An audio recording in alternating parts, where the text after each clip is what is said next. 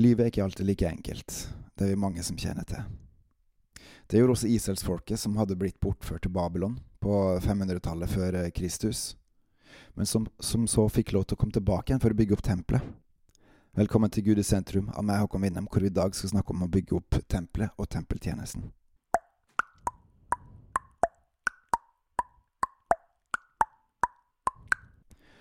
Profeten Haggai var en profet som levde på 500-tallet før Kristus.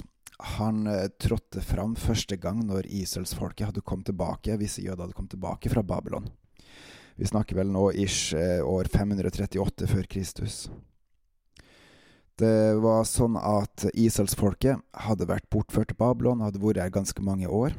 Og så fikk de en eh, dekret, en ordre, en tillatelse fra kongen, kong Kyros, om å vende tilbake til Jerusalem for å bygge opp tempelet sitt.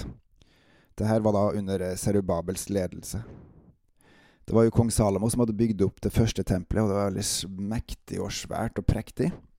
Og så hadde eh, kong Nebukadnesar fått tempelet revet i år 586.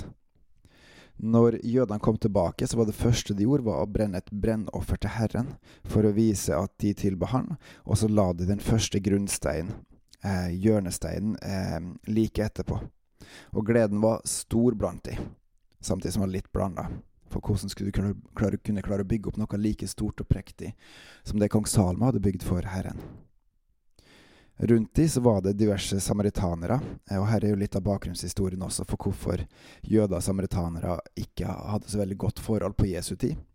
Og det var jo at samaritanerne, som var et blandingsfolk av jøder og andre, de tilbød seg å hjelpe til med å bygge opp tempelet igjen når jødene kom tilbake.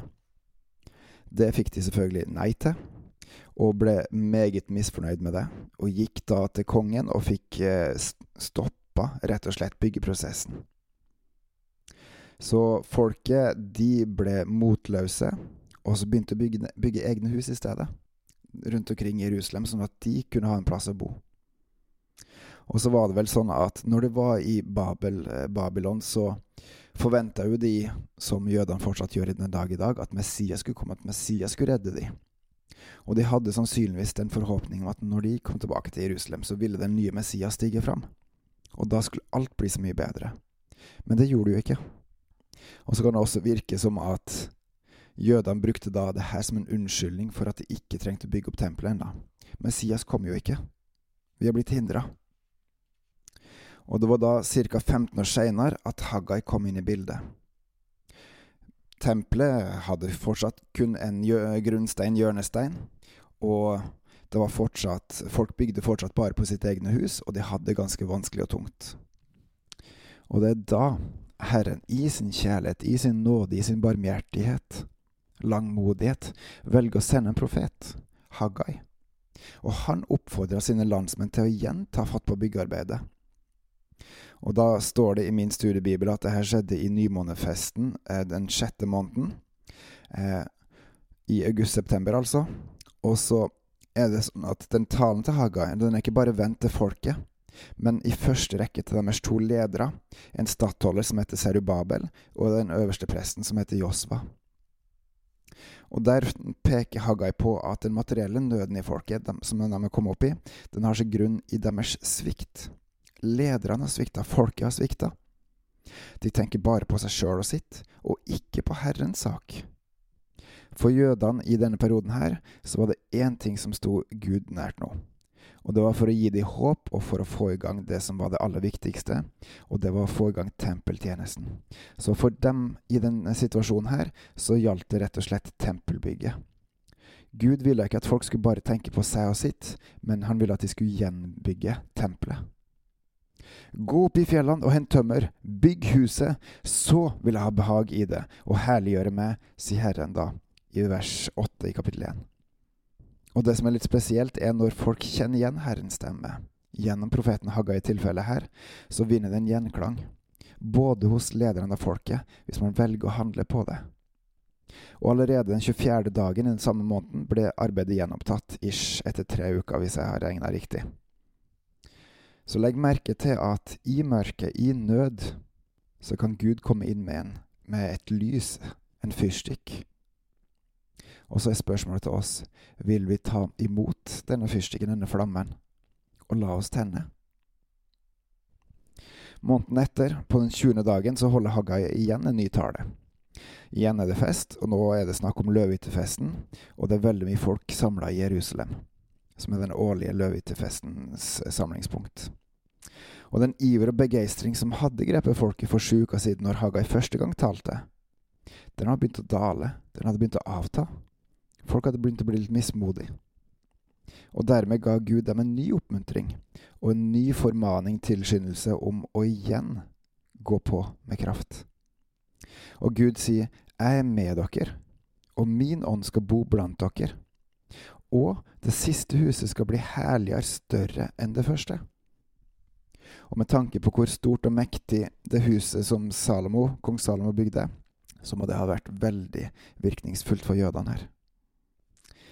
Og som man kan se i Esra Nemahamia, som egentlig er en av samme bok, så gråt folk når tempelet ble fullført. Og det tror jeg hadde annet med dette å gjøre at tempelet var ikke like stort og prektig som det som kong Salomo bygde. Og det er vel heller slik at det med at huset skulle bli enda herligere, det skjedde vel mer på Herodes tid, når Jesus levde. For da utvida Herodes eh, og utsmykka tempelet, og dermed kalt det tredje tempel. Første tempel, kong Salomo. Andre tempel er når du fullførte etter hvert her i, eh, på år 500-tallet. Og det tredje når Herodes utvida og utsmykka tempelet. Og samtidig så var det ikke det som var det herligste heller. Fordi Haggai forkynte vel også den herligheten som skulle komme med Messias, som skulle fylle tempelet. På en helt guddommelig måte. Det at tempelet ligger nede, det at tempeltjenesten ligger nede, det at folk, fiender, har kommet og trengt seg inn i Guds rike, blant Guds folk, er vel noe som er gjenkjennbart.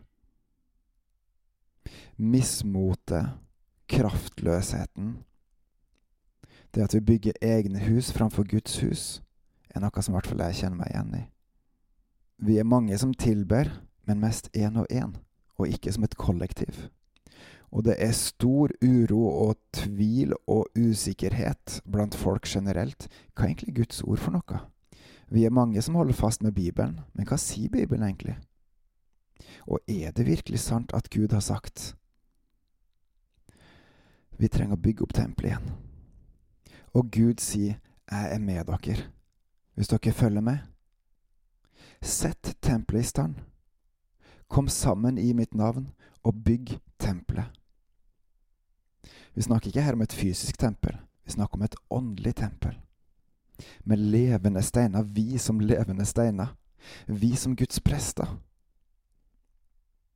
Jeg og en kompis vi har nettopp blitt enige om at vi skal starte opp eh, bønnetreningsmøter.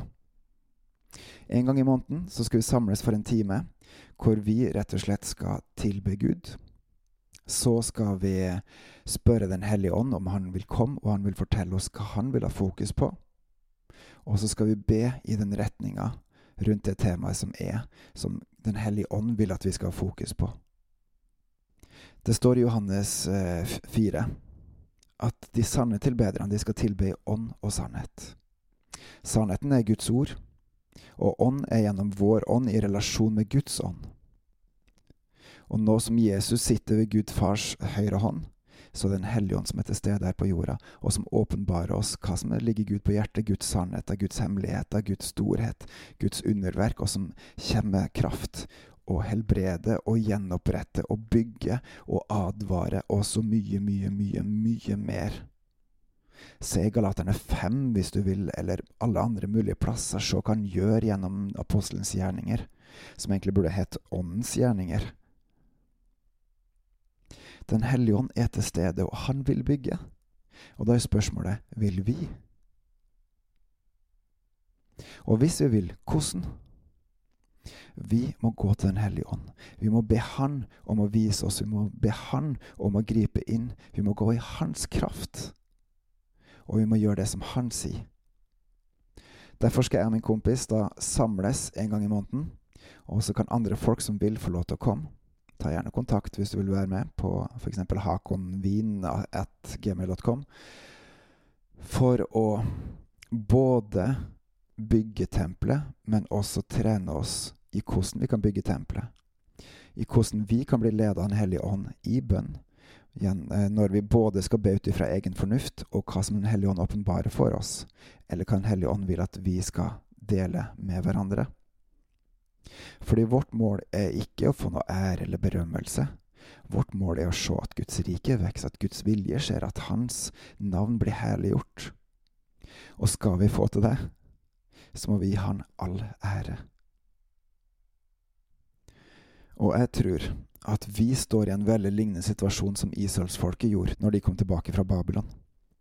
For tempelet ligger nede, og vi holder på å bygge våre egne hus. Men nå er det tid for å bygge. Finn ut hvordan. Gjør det i Herrens kraft. På gjenhør.